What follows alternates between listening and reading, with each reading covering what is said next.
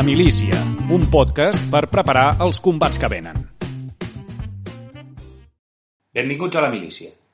El portuguès Bruno Massaes ha explicat en dos llibres, The Dawn of Eurasia, el 2018, i l'any següent Belt and Road, que el centre del dinamisme econòmic, cultural i tecnològic s'ha desplaçat de l'Atlàntic cap al Pacífic i que la història dels propers anys passa per l'eix euroasiàtic. Per les seves característiques, amb una població de més de 1.400 milions d'habitants i un territori de més de 9,5 milions de quilòmetres quadrats, que toquen Vietnam, Laos, Índia, Rússia, Corea del Nord i fins a un total de 14 països, la Xina haurà d'enfrontar en els propers temps molts reptes tant a dins com a fora de les seves fronteres, a mesura que busca assentar la seva posició com a actor de primer ordre en el concert internacional. Aquests mesos, amb la pandèmia, hem vist com la tensió entre la Xina i els Estats Units s'ha exacerbat amb acusacions entre alts rangs de les seves respectives diplomàcies d'haver-se amagat informació i fins i tot d'haver propagat el virus expressament. D'altra banda, un dels cavalls de batalla del president Trump és relocalitzar a territori nacional les cadenes de producció de les empreses americanes ubicades a la Xina. La globalització, segons diuen alguns analistes, podria estar tocada de mort i no està clar qui en pagarà les conseqüències. La milícia connecta amb Barberà del Vallès per parlar de tot això amb el politòleg Miquel Vila. Expert en relacions internacionals, Vila col·labora en diverses publicacions com ara Catarsi, Via Empresa, de Diplomat o Africalle, i també ha editat, juntament a Joan Miró, el llibre de reflexions col·lectiu Després del procés què, a Pagès Editors. Recentment ha obert un canal molt recomanable a YouTube, que es diu Com funciona el món, per explicar amb una mirada catalana qüestions de geopolítica. Vila ha viscut alguna temporada a la Xina i és una veu experta que ens ajudarà a entendre les debilitats i les fortaleses del país asiàtic. Amb ell dibuixarem el perímetre dels conflictes que tenen com a punt de partida la Xina i la seva voluntat de representar un paper de lideratge al món.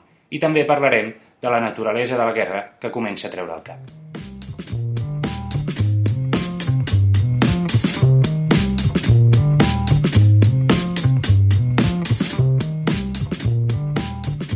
Miquel, benvingut a la milícia i gràcies per atendre la nostra trucada.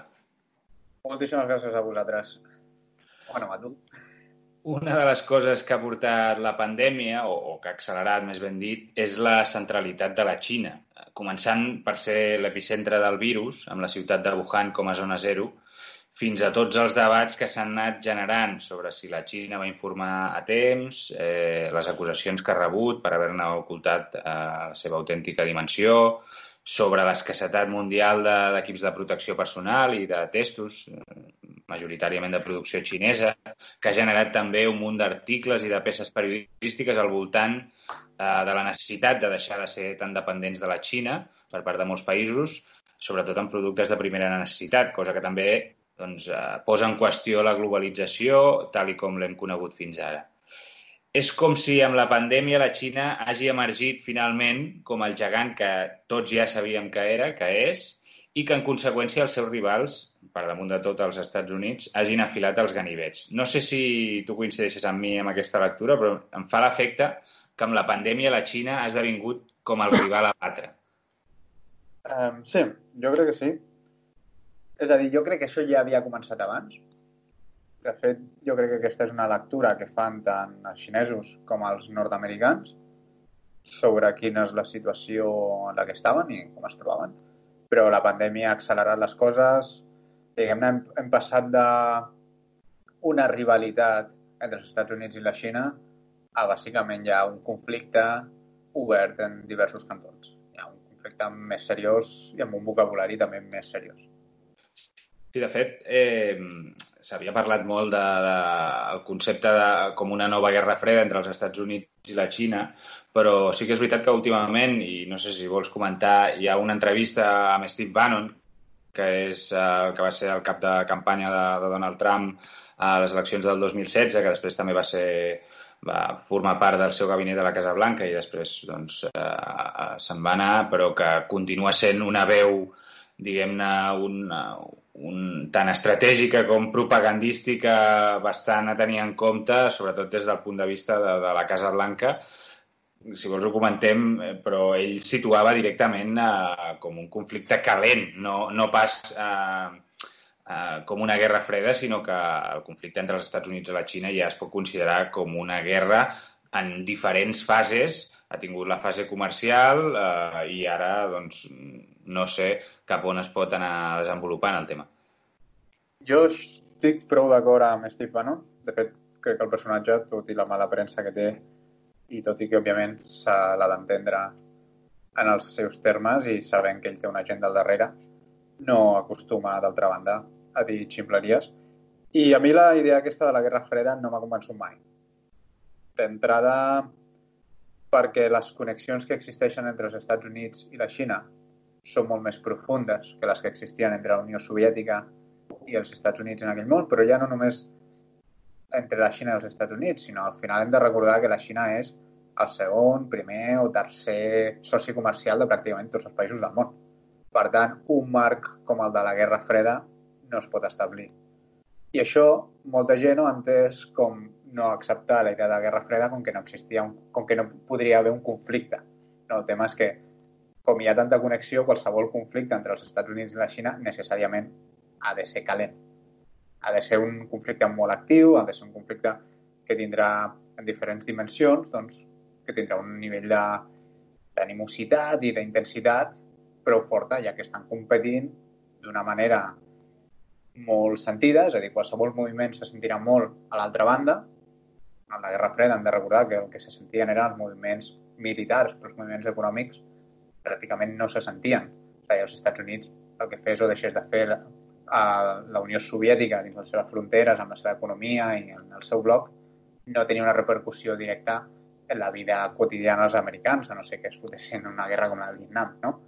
Aquí és molt diferent. Aquí qualsevol moviment de la Xina o dels Estats Units té un impacte directe en la vida quotidiana dels seus ciutadans. I, per tant, doncs, clar, la intensitat és la que és.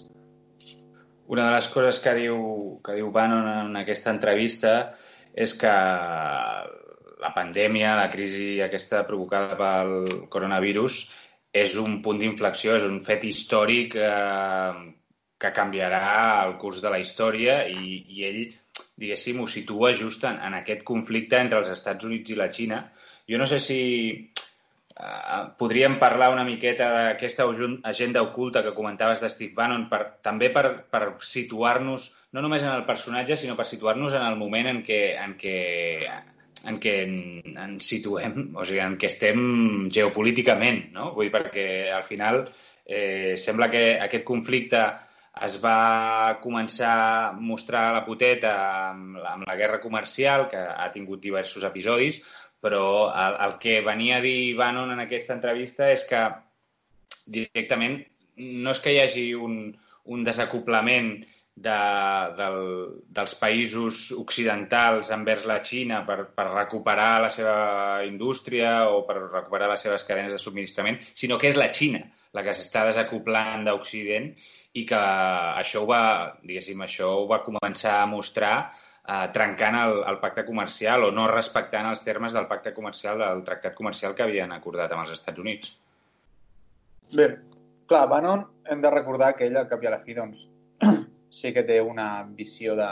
És a dir, a ell, ell el que li interessa aquí doncs, és mobilitzar l'opinió pública nord-americana i de la resta de països del món que donguin suport a Washington en un conflicte en contra de la Xina. Doncs, per tant, doncs, a ell li interessa presentar el perill de la Xina doncs, contra més gros millor, doncs, perquè pels seus interessos això li va millor.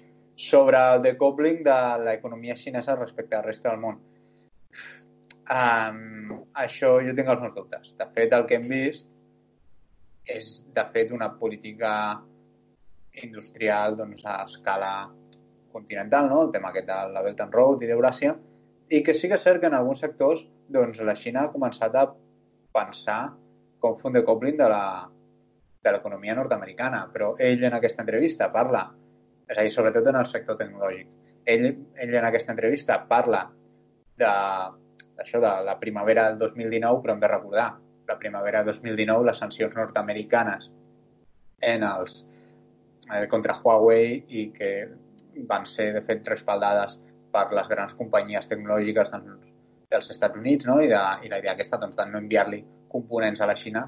Aquesta decisió es pren prèviament als Estats Units. La Xina reacciona a aquesta decisió i diu, bueno, doncs ens hem de preparar per no ser tan dependents d'aquests components que venen dels Estats Units.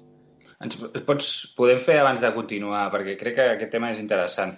Un, re, un petit resum sobre el tema aquest de, de Huawei, com, què va passar? Em sembla recordar que van detenir la filla d'un de, dels directius a Canadà, pot ser?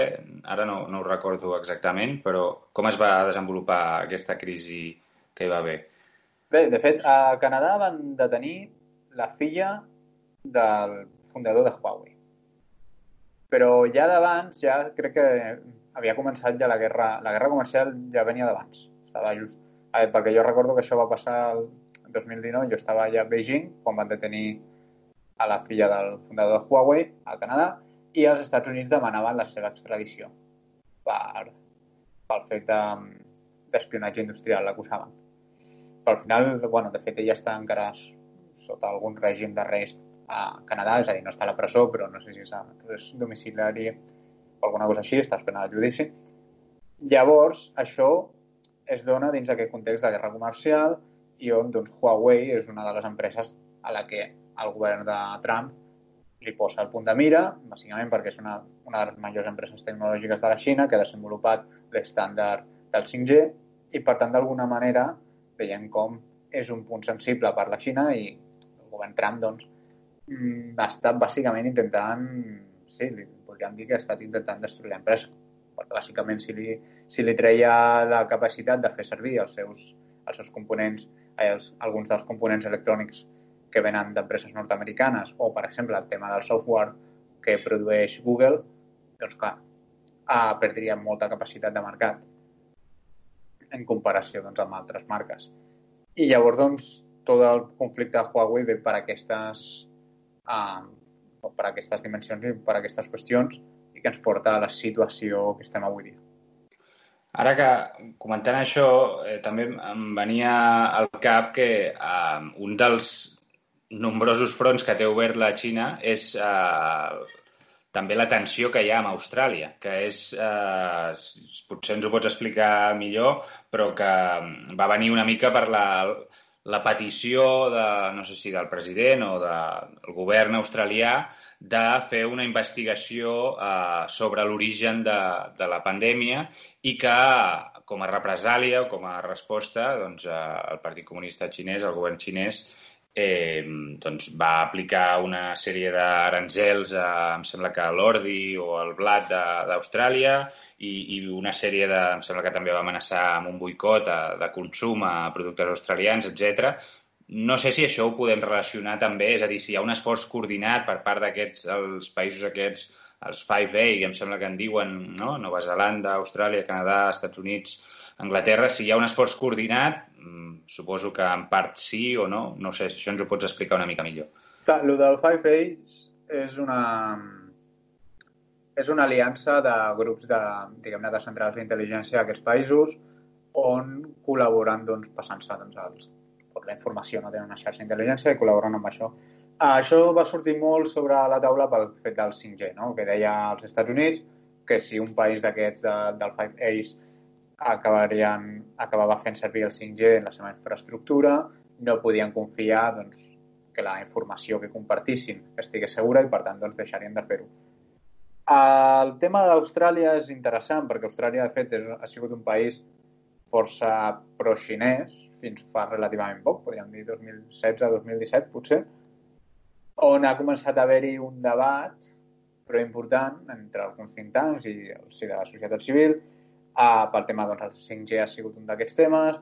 Algunes qüestions també de, de drets civils hem de tenir en compte que molts exiliats um, de la Xina, doncs, molts, hi ha un, acaben anant a Austràlia, també hi ha molts estudiants xinesos que estudien a Austràlia i que el comerç entre Austràlia i la Xina doncs, és molt important, també. Vull dir, jo, jo, de fet, quan estava allà a Beijing, doncs, hi havia molts productes que eren d'origen, que comprava i que eren d'origen australià i jo crec que en la meva vida mai havia begut ni llet australiana, ni, ni carn australiana, ni res d'Austràlia, crec. Eh, però tot això doncs, ve d'allà, no?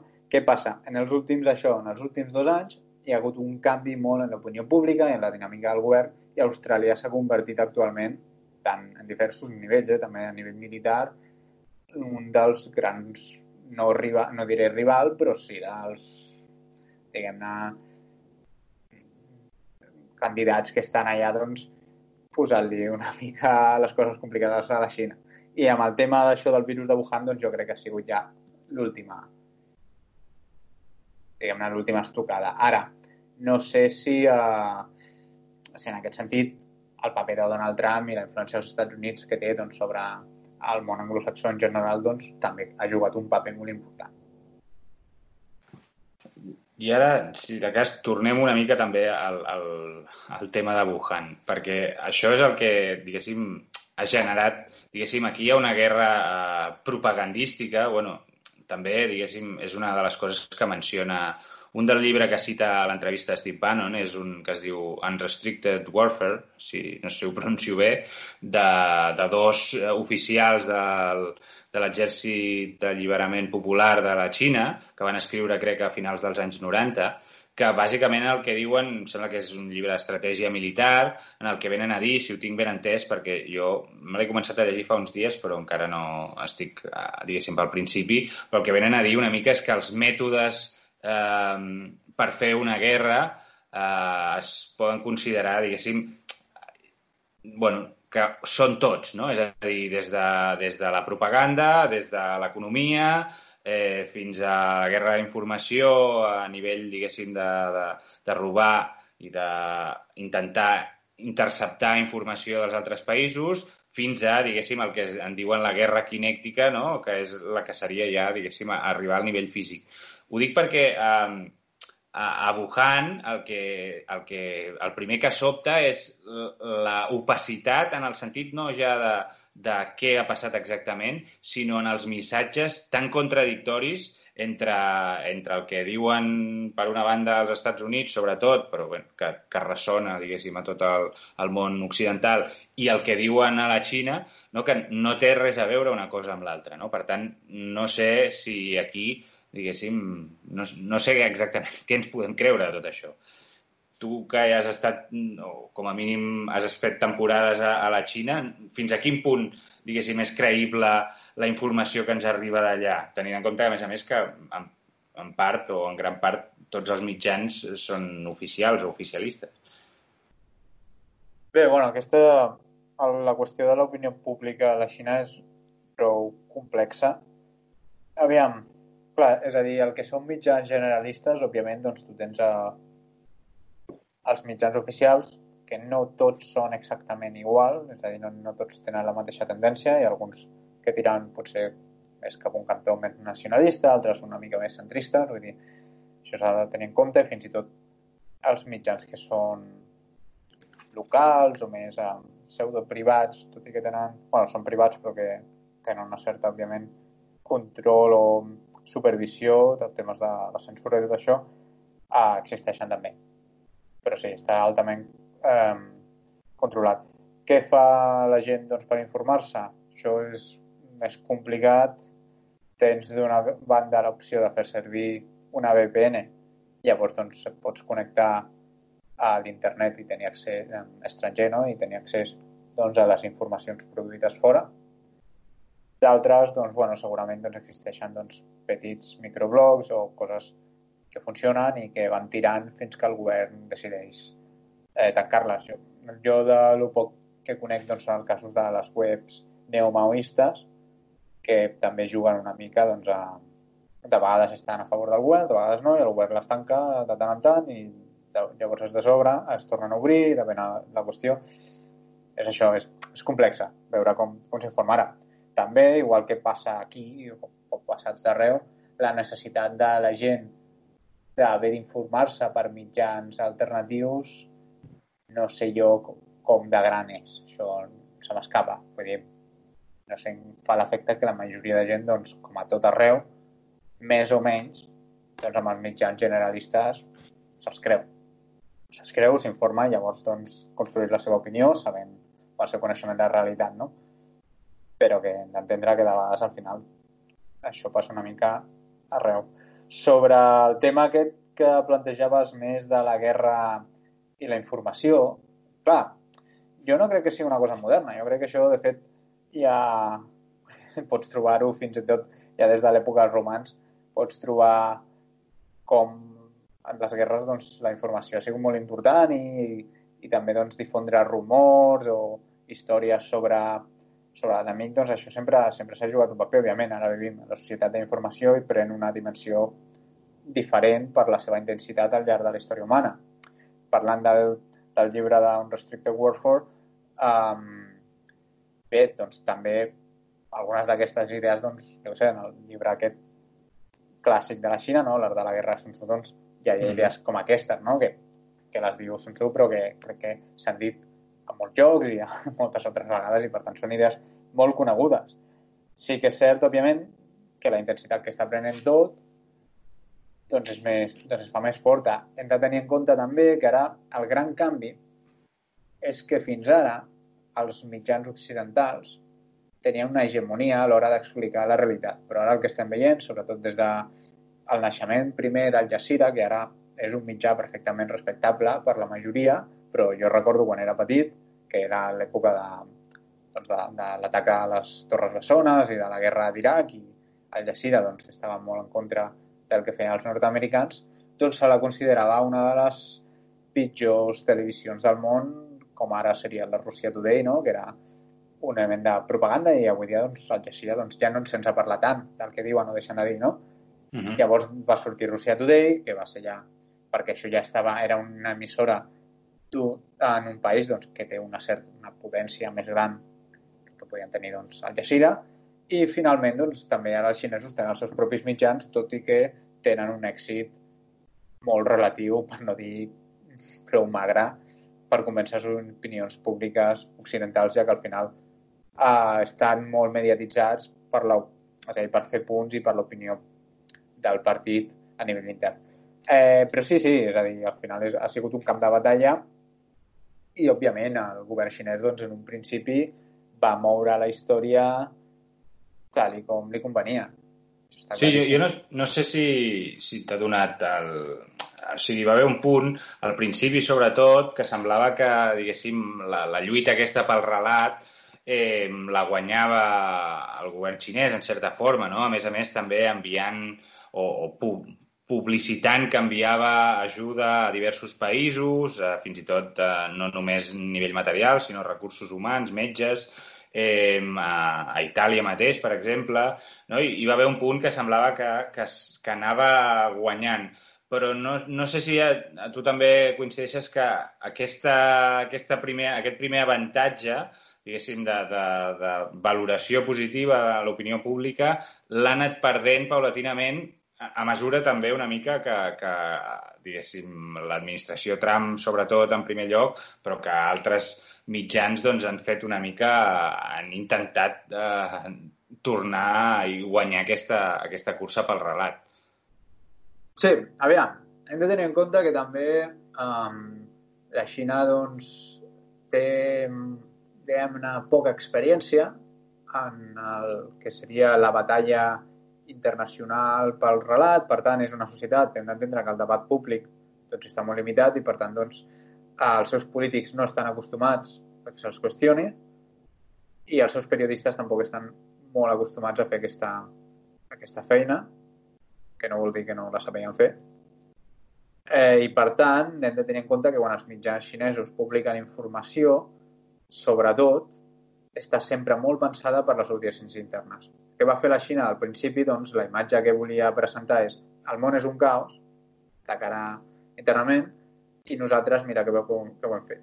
Això era, bàsicament, una, i per tant, doncs, també una idea, doncs, quan anava els metges xinesos a Itàlia, doncs, el primer que vam dir, hòstia, això és un desastre, que malament que ho esteu fent.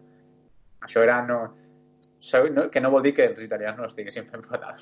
No, no, no em posaré aquí, no però que hem d'entendre que existia aquesta, diguem aquesta voluntat, bueno, aquesta visió també, aquesta vessant.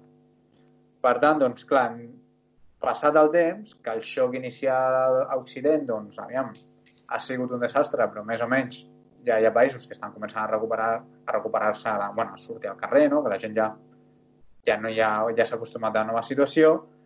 Clar, també hi ha coses que es posen sobre la taula. Aviam, al final, a les teories de la conspiració de Wuhan. Bueno, quina casualitat que Wuhan hi ha un laboratori que bàsicament s'encarrega d'anar buscant per totes les coves que hi ha doncs, els, tots els ratpenats i, i anar analitzant no, per agafar aquests coronavirus, justament, doncs, per prevenir que passi això, i que justament és allà on surti l'epidèmia, que el govern xinès, és a dir, això, hi havia notícies d'aquesta epidèmia des de que hi havia alguna raro a Wuhan, s'estava parlant des del desembre.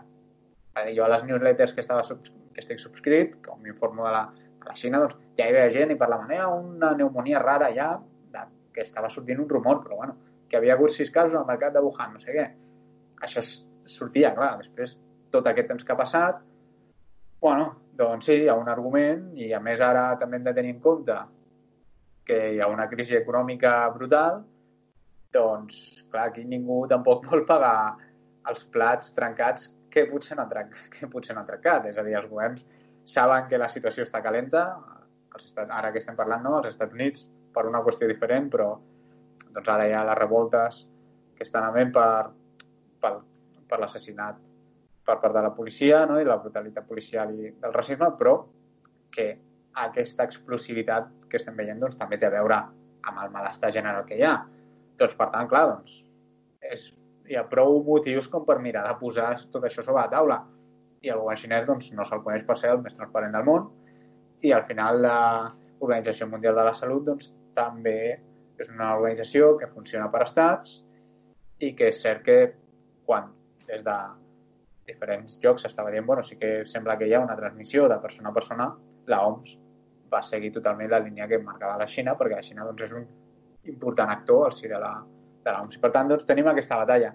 Um, saber la veritat jo diria que és una cosa difícil actualment i que no sé si, si ni tan sols podem aspirar a saber què, què ha passat realment amb això.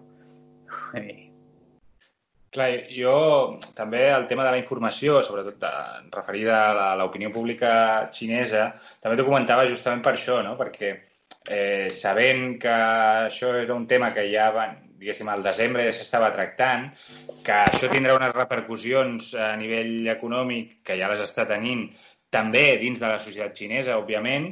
Eh, no sé si, clar, fa, fa uns dies eh, veiem el, el Congrés Nacional, crec que era, de, diguéssim, sempre no, aquella imatge que es veuen tots els delegats, els compromissaris de, del Partit Comunista, darrere, no, com un bloc compacte, no, aquesta imatge que tenim de vegades que, que el poder de Xi Jinping és, és omnipotent, no? que és, és un, in, in, irrompible, invencible, eh, però jo no sé si això eh, també pot ser, i suposo que mm, d'altra banda, doncs, ja se n'encarregaran també el, els seus rivals d'intentar que ho sigui, un, una fractura o una possible bretxa uh, dins de la societat xinesa. Vull dir que això pugui arribar a generar, uh, de moment sembla que, que no és així, però si tu creus que, que això pot arribar a generar malestar i conflicte també dins de, de la societat xinesa.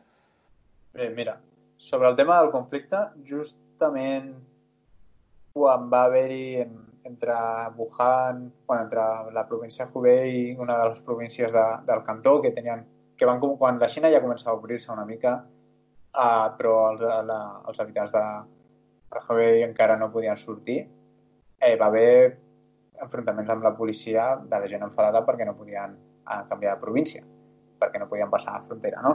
Eh, per tant, doncs, la societat xinesa, com totes les societats, quan hi ha un malestar, l'expressa, tot i que, òbviament, el que canvia és el règim polític que té, que segurament, segons com expressis el malestar, doncs segons en què es tradueix el teu malestar, doncs els costos poden ser molt més elevats que altres països del món.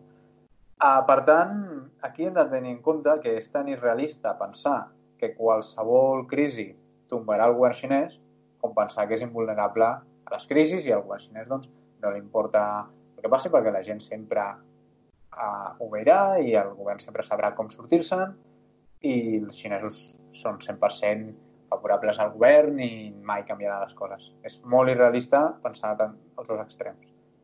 La realitat és que actualment, segurament, a curt termini es fa difícil predir si els malestars que s'hagin acumulat pel coronavirus i el que vingui amb la crisi econòmica tindrà una translació directa, però està clar que tot això posa un poso i en algun moment que les coses vagin pitjor, doncs pot haver-hi una crisi que el govern no sigui capaç de solucionar. I això és bàsicament el que ha passat, passa sempre en molts països del món i el que passa en qualsevol règim polític a qualsevol lloc del món. Hem de tenir en compte, per tant, doncs, sí que el poder de Xi Jinping actualment està bé, està fort, eh, que a més estan jugant molt la carta nacionalista, no? els atacs que reben per part dels Estats Units, a conflictes que puguin emergir a les seves perifèries, doncs tot això doncs, ajuda a enfortir el govern.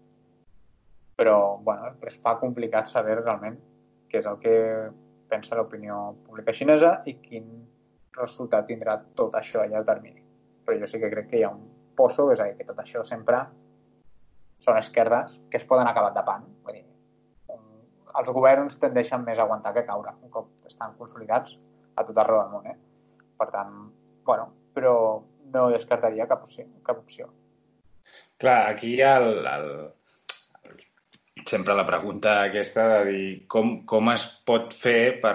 O sigui, el, un dels atractius que té la Xina avui en dia, jo crec, com a model segurament pels països eh, en desenvolupament o, o que no, diguéssim, no es consideren potències econòmiques, és que eh, és un país enorme, amb una població, em sembla que està a vora els 1.400 milions d'habitants, que dintre el que cap, tot i que això mm, potser m'ho pots matisar o no, perquè, diguéssim, les dades eh, econòmiques, doncs, com dèiem, degut a aquesta opacitat, doncs, és difícil de saber si, diguéssim, les bosses de pobresa són, són més o menys grans de, del que ens pensem, però que, diguéssim, l'evolució econòmica que ha tingut ha fet sostenible un país d'unes dimensions eh, gegantines, no? Eh, gairebé un, un continent per si sol, no?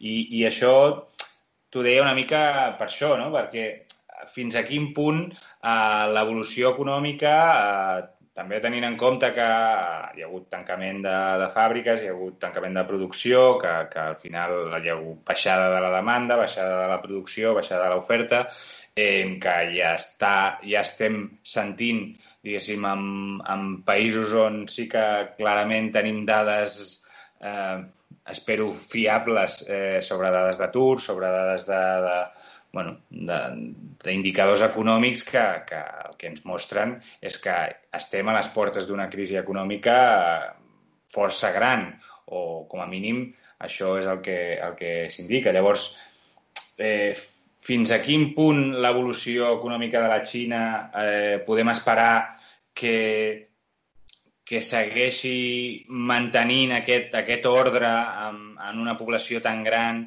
i, i que això, eh, diguéssim, es pugui sostenir encara que, malgrat que hi hagi una crisi econòmica que, que faci perdre una mica el ritme que, que ha portat els últimes, bueno, les últimes dècades, el ritme de creixement. Clar, mira, l'altre dia sentia parlar un analista de Singapur, el, que es diu, bueno, ex, també ex, ex diplomàtic, que és el Kishore Mahbubani, que ens feia, que, bueno, que deia, mira, el govern xinès actualment ha augmentat la qualitat de vida dels xinesos en els últims 40 anys a uns nivells que no han tingut en els darrers 5.000 anys d'història. Per tant, vull dir, i repeteixo, 5.000 anys d'història, per tant, doncs, hem d'entendre doncs, que ara mateix la gent en general és normal que tampoc tingui moltíssimes ganes de fer fora el govern, perquè de tots els que han tingut, doncs, potser doncs, no, no ha sigut els pitjors. Ara bé, té moltes limitacions, no? El tema de la, del declivi econòmic i l'ordre social. Doncs això, aquí m'agradaria també recordar que la Xina es gasta cada any milers de milions de, de dòlars doncs, en, en seguretat i en, bàsicament en el que és el seu Ministeri d'Interior, el que serien aparells de, de, de control ideològic, campanyes de propaganda, etc. Per tant, el govern té molt present que té una societat que té molts canvis, que té moltes pressions i que en algun moment doncs, això pot saltar per alguna banda. No, ara, predir si seran capaços de sobreviure a la crisi que ve és complicat. També dependrà molt de vegades també de què passa fora, perquè també l'argument de la comparativa diu sí, aquí estem malament, però no sé, si els Estats si als Estats Units, per exemple, el que acabes tenint doncs, són revoltes a totes les grans ciutats constantment, doncs potser això també et fa canviar les teves pròpies expectatives.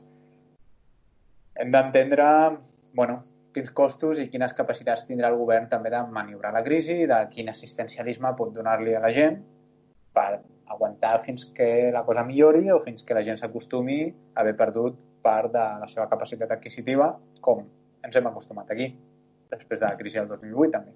Mm -hmm. També, bueno, ara que, que comentaves aquest, la despesa aquesta no? en, en el control, en l'ordre social, eh, clar, hi ha un element que, que sovint es destaca només en el cas dels uigurs, és el més, el més conegut, eh, que és el nivell de la diversitat. No sé quina importància té eh, a l'hora de, diguéssim, de, de valorar una mica aquestes, perquè estem fent una mica d'anàlisi de, dels, bueno, dels punts que a nivell intern eh, són més calents. No sé si, eh, diguéssim, podem esperar eh, que aquesta, aquesta diversitat ètnica, que de vegades es converteix, en el cas dels uigurs, es converteix en, en una repressió, eh, diguéssim, pel que diuen, doncs, en, fins i tot en forma de camps de concentració.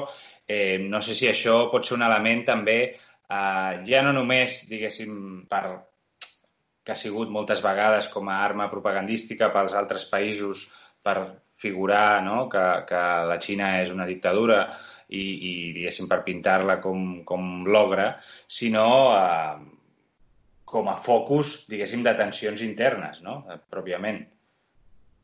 Clar, el problema que hi ha amb, amb les minories ètniques a la Xina és que són molt minoria en aquest sentit, els uigurs i els tibetans, per la seva banda, sí que és cert que ocupen un territori molt gran i prou complicat de controlar, com ha sigut històricament, per exemple, el Tíbet, no? doncs, que, està allà amb les muntanyes doncs, a, a l'Himalaya i, per tant, doncs és, és difícil, no, no viu gaire gent, però, clar, en comparació, doncs, són molts pocs milions de persones comparat amb la immensa majoria dels Han. No? I el que està fent, per exemple, el govern xinès al Xinjiang doncs és també, a més de les mesures de, de repressió cap a la cultura uigur, doncs és també promoure la migració de gent d'etnia Han cap, a, cap al Xinjiang.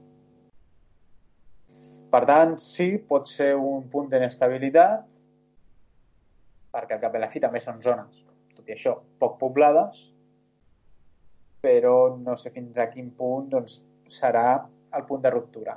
És a dir, hem d'entendre normalment aquestes àrees perifèriques en la història recent de la Xina mai han sigut el detonant de cap gran conflicte. És a dir, hi ha hagut conflictivitat i sobretot en moments que el poder xinès al centre s'ha afablit, doncs han tingut més capacitat de fer la seva.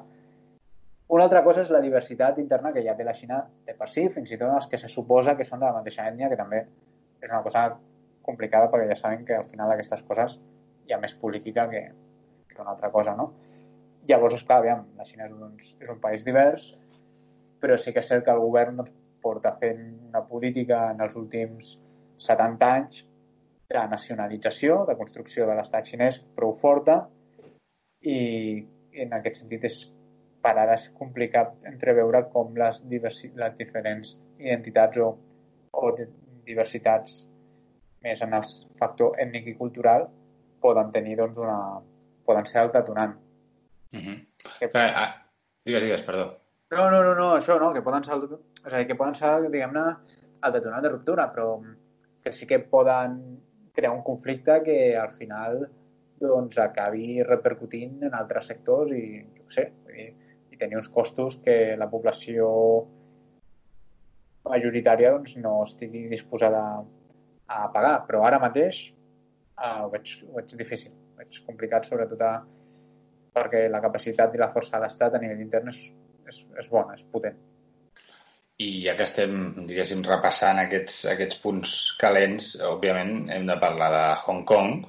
Eh, no sé si eh, aquesta... Tu ara estaves comentant que, per exemple, a la zona, diguéssim, on hi ha dintre de la minoria hi ha una majoria d'uigurs a, a la regió, no sé, el nom com es diu? El, Xinjiang. El, el Xinjiang. Eh, estaven, diguéssim, com repoblant eh, amb, amb població d'ètnia Han. No sé si s'han plantejat o, o, o s'ha fet o, o no sé si hi ha hagut algun intent de fer el mateix amb Hong Kong. Bé, això és un, sí, això és un dels temes calents també del tema de Hong Kong. Hi ha tota una qüestió demogràfica, la qüestió de la gent que va, que va tenir els fills a Hong Kong, per exemple, doncs, per, perquè a nivell del passaport de Hong Kong doncs, és molt millor que el passaport xinès i sobretot gent de les elites doncs, s'ha doncs, traslladat allà o fins i tot gent de les elites doncs, té pisos, té propietats a Hong Kong que de fet han, han acabat doncs, també significant doncs, un increment dels costos de la vida també per la ciutat no? i de, del sol i l'especulació. Llavors sí que hi ha hagut una certa migració o sigui, arribada de gent de la Xina continental a Hong Kong, tant de, també de treballadors, eh? i de treballadors que viuen a Shenzhen i cada dia van a Hong Kong. Això també s'ha donat. Ha sigut un dels factors. De fet, hi ha, hi ha hagut alguna, algunes manifestacions a Hong Kong han anat en contra d'aquest fenomen, perquè s'entenia doncs, que el cap i al fi doncs, era doncs, gent aliena que anaven a la ciutat i que eren identificats doncs, segurament amb prou raons doncs, com partidaris de, de la Xina.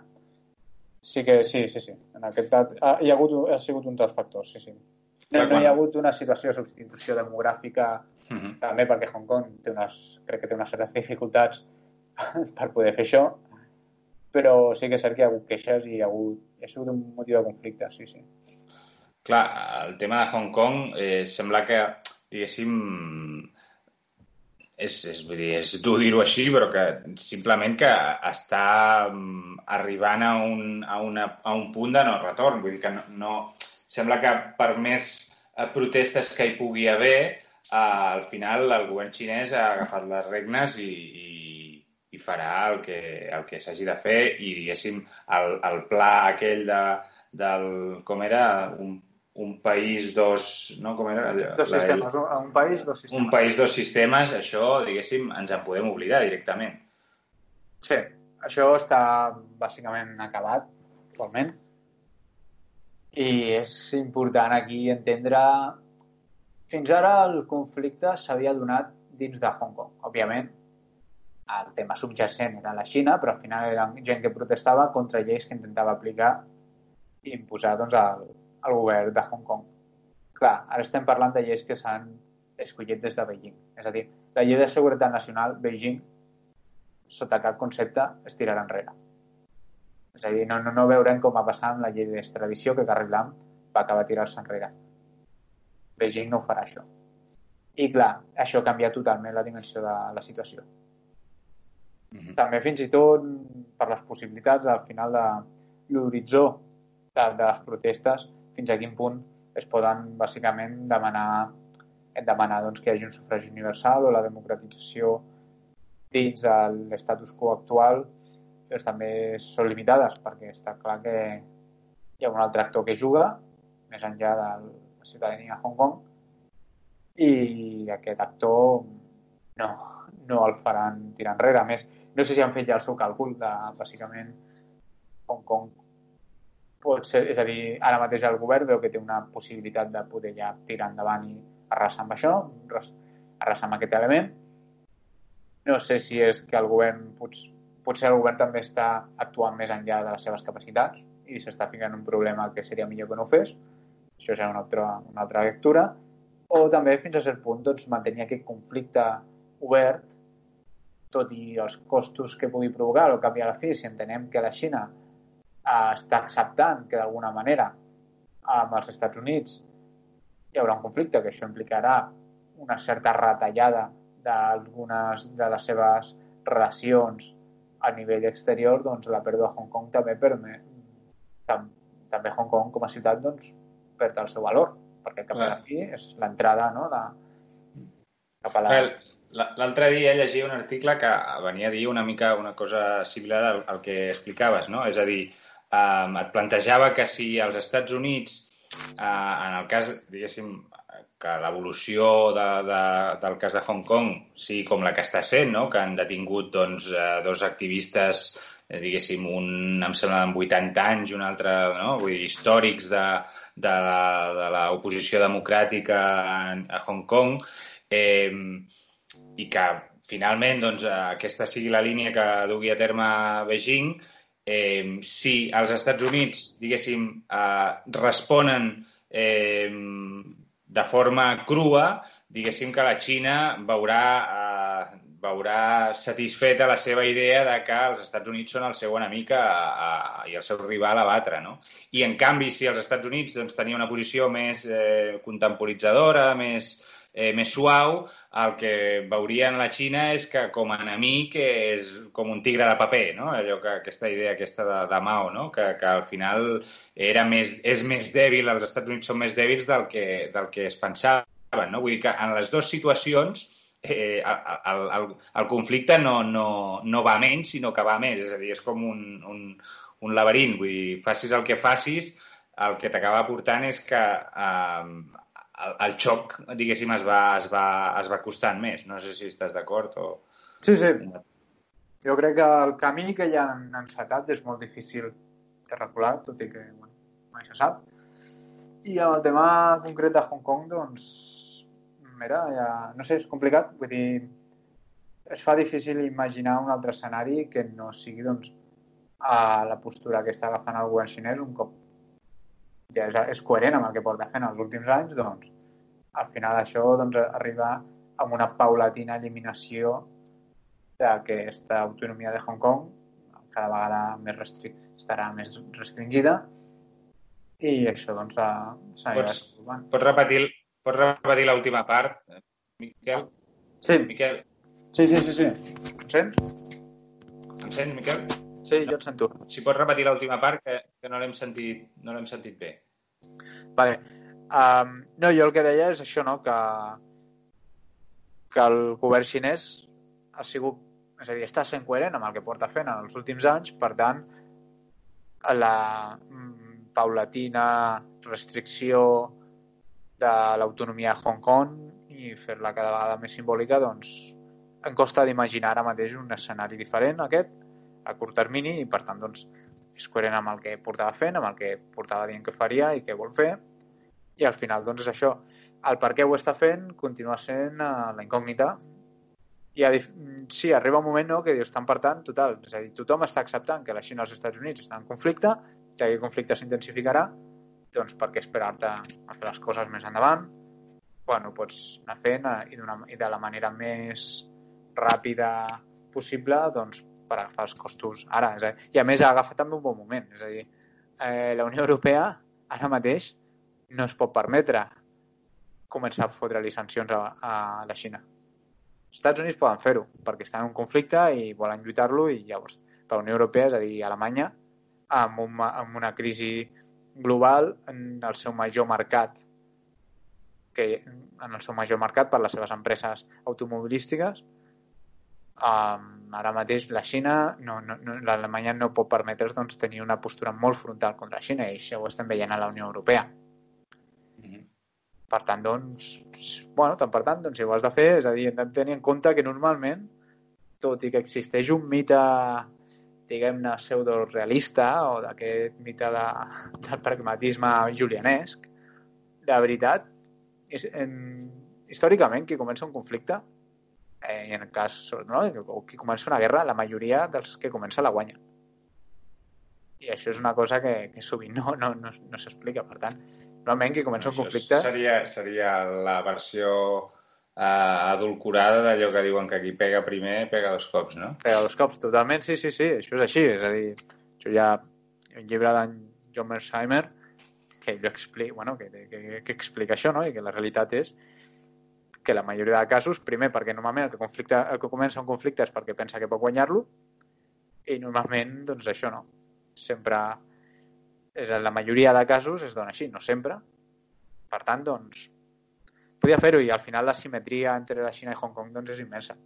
Clar, a mi el tema de Hong Kong em sembla com si fos una petita metàfora no? d'aquesta idea que hi havia hagut sempre de que eh, que la Xina, a mesura que s'anés integrant no, en els mercats globals, no, que s'anés que, que s'anés eh, creixent també econòmicament, que, que el seu PIB doncs, no? amb aquesta, en consonància amb la idea aquesta de la teoria de la modernització, doncs s'aniria democratitzant també. No?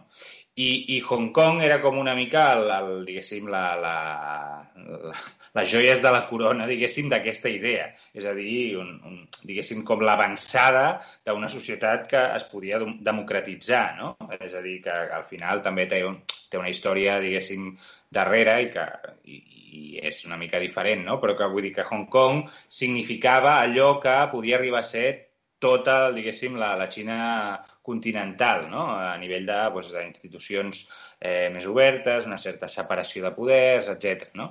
I, I, en canvi, doncs ara el fet de que, diguéssim, que estiguin accelerant amb aquest, no? amb, amb tornar a les regnes de, de Hong Kong, és com si la, la, el punt definitiu ja en què aquesta idea de, de democratització de la Xina, almenys a l'estil occidental, diguéssim, ja, ja diguéssim, ens en podem oblidar del tot.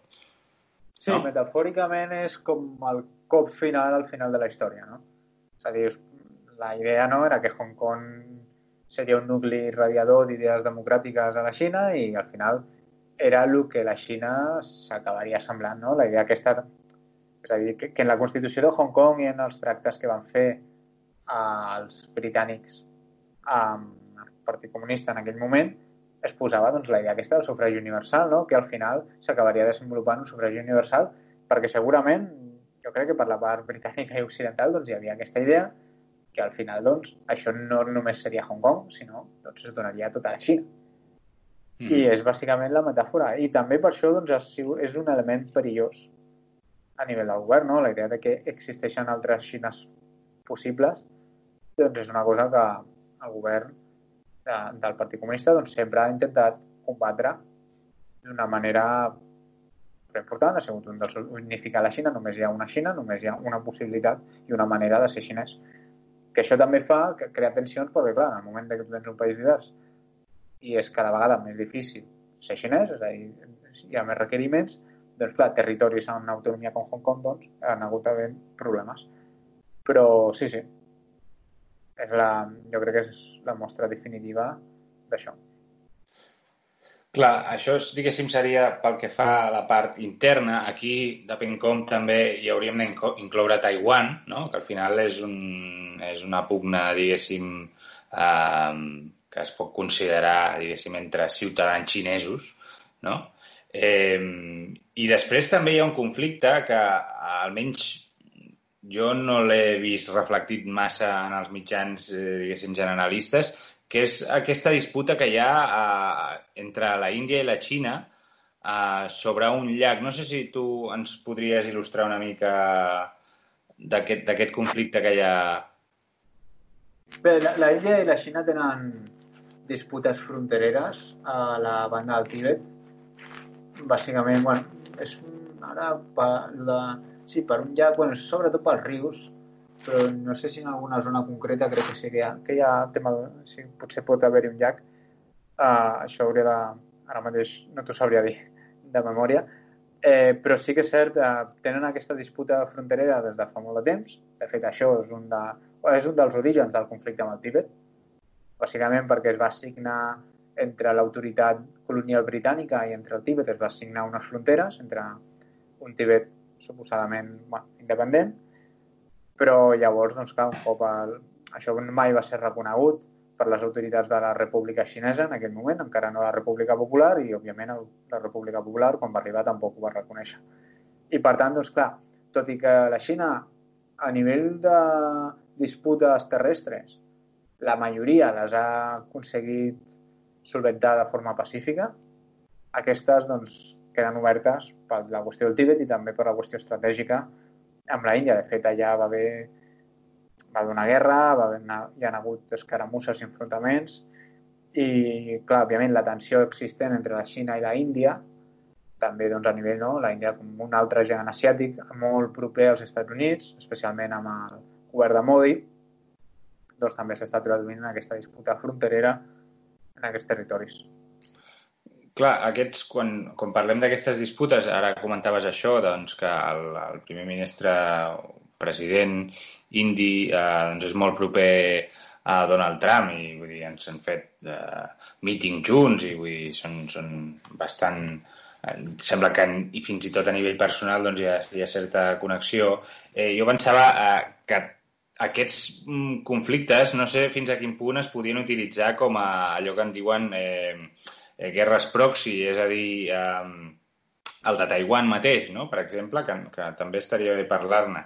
Eh, Taiwan eh, podria ser objecte d'una disputa eh, en el qual els Estats Units doncs, anessin a ajudar el, el, el país independent, no? És a dir, la, la, la sobirania de Taiwan en contra de la Xina. No sé si això, diguéssim, és una de les, de les possibilitats que, que podem esperar pels propers anys. Sí, això és un dels... El tema de Taiwan és un dels punts calents, segurament dels més calents que, que hi ha, bàsicament perquè hi ha constantment conflictes eh, entrades de vaixells xinesos en espai de Taiwan. Clar, hem d'entendre que és un, la natura d'aquest conflicte és prou complexa perquè al cap i a la fi Taiwan és, oficialment és coneguda com la República de la Xina. La Xina considera que allò és el seu territori, que aquest és un govern rebel, perquè de fet en origen era la seu d'un govern rebel. Òbviament la situació ha canviat molt des de la Guerra Freda. Taiwan, el règim del Partit Nacionalista va, va caure i per tant, doncs, de fet, ja ara els que governen són potser el més oposat això, no? ja que van ser l'oposició, els hereus de l'oposició democràtica, que el va fer caure i, per tant, doncs, eh, tenen un sentiment menys proper a la Xina. Clar, és un dels conflictes. La Xina sempre diu que si Taiwan decideix doncs, dir que ja no és la República de la Xina Taiwan i que és un estat independent anomenat Taiwan, doncs actuaria per la força no? i miraria de recuperar la illa. Però no que és... això Eh, com funciona això? És a dir, ara mateix no es considera un país independent? Taiwan a si mateix? Taiwan a si mateix es considera un país independent, però és un país que es diu la República de la Xina, Taiwan. Que això és l'estatus quo, és a dir, de facto és un país sobirà i independent. Què passa?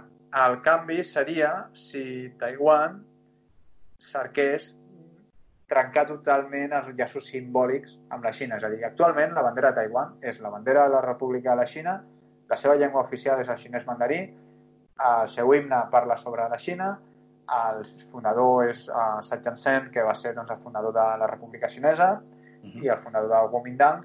Per tant, tot això, és a dir, tota l'estructura institucional de Taiwan és, diguem-ne, d'un país que és suposadament la Xina oficialment la seva constitució és la constitució d'un govern de la Xina alternatiu al govern de Beijing actualment. Mm -hmm. A la pràctica no és així i ningú crec que Taiwan tingui somnis de reunificació com a mínim sent Taiwan al govern. Mm -hmm. I llavors aquesta és la situació, que a la pràctica, òbviament, Taiwan té el seu exèrcit, la seva moneda, el seu Parlament, i per tant és un estat perfectament sobirà tot i que no reconegut per la majoria d'estats del món, és a dir, té tots els estats que se reconeixen. La, la idea aquesta de sobirania i reconeixements, el reconeixement internacional ajuda a la sobirania, però no, no, és, no és indispensable. És, un fact, és una qüestió prou secundària si, òbviament, tens sí, aliats... Això, això estaria, estaria bé que ens ho fiquéssim al cap, sí. Com a sí, recordatori sí, va bé. Això és un tema que, que s'ha d'entendre que no existeix bueno, el que és la legislació internacional, eh, bueno, el tema del dret internacional o de les normes internacionals i aquestes qüestions, la veritat, eh, són molt negociables sempre i sempre han sigut i sempre ho seran. Per tant, no, millor no, no, no, no creure-s'ho gaire, però bueno, això seria un altre debat. Per tant, clar, el tema de, el tema de Taiwan és un tema calent, bàsicament perquè els Estats Units aquí doncs entenen que Taiwan, doncs, a més, en cas d'un conflicte bèl·lic amb la Xina, doncs Taiwan té una posició molt bona. Taiwan seria com el que era Cuba o el que és Cuba avui dia pels nord-americans en l'època de la Unió Soviètica. No? És una illa just davant de, de la Xina continental mm -hmm. que pot servir per moltes coses. Per tant, doncs, clar, hi ha temes de seguretat, temes d'orgull nacional, doncs hi ha molts factors que s'alimenten. Ara, seria la Xina realment capaç de començar una ofensiva militar per conquerir Taiwan? Podria fer-ho? Home, això podria ser un Vietnam. Mm -hmm. Per la Xina, és a dir, hòstia, no, no sé jo com... Que aquí tothom, bueno, d'entendre, i tothom juga una mica les, de farol, les seves cartes, tot i que, òbviament, bueno, tothom està tothom sap també les seves línies vermelles. Això també és veritat. Bueno, eh, em sap greu perquè ens ha quedat algun, algun tema eh, pendent. Jo volia parlar també de, de les fronteres que comparteix amb Rússia, per exemple, eh, però el temps se'ns tira a sobre i, i no podrem. El que sí que m'agradaria és, és que fessis una mica, que et mullessis una mica i que fessis una mica de, de, d'astròleg, vull dir que, que intentessis fer una mirada sobre el futur. Hem vist que, diguéssim, els, els fronts que té oberta la Xina són molt nombrosos. Llavors, eh, simplement que ens fessis una petita lectura de, de, de com creus que es pot a, arribar a desencadenar, o, o és a dir, eh, si creus que en, en un futur més o menys curt o a mitjà eh, es pot arribar realment a desencadenar un conflicte obert, eh, això que en diuen eh, kinèctic, és a dir, físic, entre la Xina i algun, no té per què ser directament eh, amb els Estats Units, però algun d'aquests eh, territoris amb els quals hem vist que, que hi té disputes. Bé, la meva opinió jo crec que és potser no tant en concret amb territoris on hi ha disputa, o potser sí. Uh, bueno, el Vietnam seria un gran candidat de que això escalés, uh, més de, de la Índia i Taiwan. Uh, jo sí que crec que hi haurà un enfrontament en algun moment kinètic, com dius, entre que com a mínim que, que involucri a la Xina o als Estats Units, o potser també Rússia, que també podria fins i tot actuar com a proxy d'un d'aquests actors, bueno, sobretot ara a la Xina, però ja veurem com, com canvia tot. Um, jo sí que crec que anem encaminats cap a aquest horitzó en algun moment, conflicte, una guerra de més o menys intensitat, però bueno, bàsicament doncs, aquestes coses, igual que diuen no, que deien que cada 100 anys hi ha una pandèmia, doncs cada X temps hi ha un conflicte d'aquestes característiques i la situació s'encamina cap allà. I això sí que, bueno, no, òbviament, o sigui, faré d'astròleg i em mullaré i, i, diré, i diré que penso que passarà en algun moment. Uh, no, no puc dir si serà 5, 10 anys. No, no, no, no et demano, no et demano. Però, però sí, sí, ja que em mullo, vull dir, crec que sí, espero equivocar-me, però té la pinta que les coses aniran i fins i tot, diríem, perquè diria més, vull dir, potser no només no conflictes tan llunyans de territori europeu, tampoc. Mm -hmm. També ho hem de començar a tenir en compte que també és una realitat que aquí pot anar passant. I, òbviament, doncs sí, sí, Àsia és fent candidat. I també em mullaré dient que tinc els meus dubtes de la capacitat de la Xina per esdevenir el substitut dels Estats Units a nivell global. Crec que ens encaminen cap a un món on, on, hi ha, on no hi haurà un hegemon global. Fins i tot veig poques possibilitats de que la Xina sigui una potència hegemònica a Àsia, és a dir, que no vol dir que no pugui tenir la seva esfera d'influència al món euroasiàtic, Àfrica, alguns països de, del sud-est asiàtic, però una potència hegemònica tal i com l'entenem com el paper que han sigut els Estats Units, jo crec que no hi haurà un altre, i els Estats Units tampoc jugaran aquest paper, i per tant doncs, ens encaminem a un món més multipolar, però també doncs, amb més conflictes, i on països intermitjos són els que al final inclinaran la balança en molts cantons. Perfecte, doncs gràcies per mullar-te i gràcies per compartir amb nosaltres aquesta conversa. Eh, seguirem parlant segur perquè doncs, si els teus vaticinis són correctes eh, tindrem moltes coses de les que parlar. Eh, Miquel, un plaer. Un plaer també per part meva. I als oients, doncs, ens veiem d'aquí uns dies. Fins a la propera.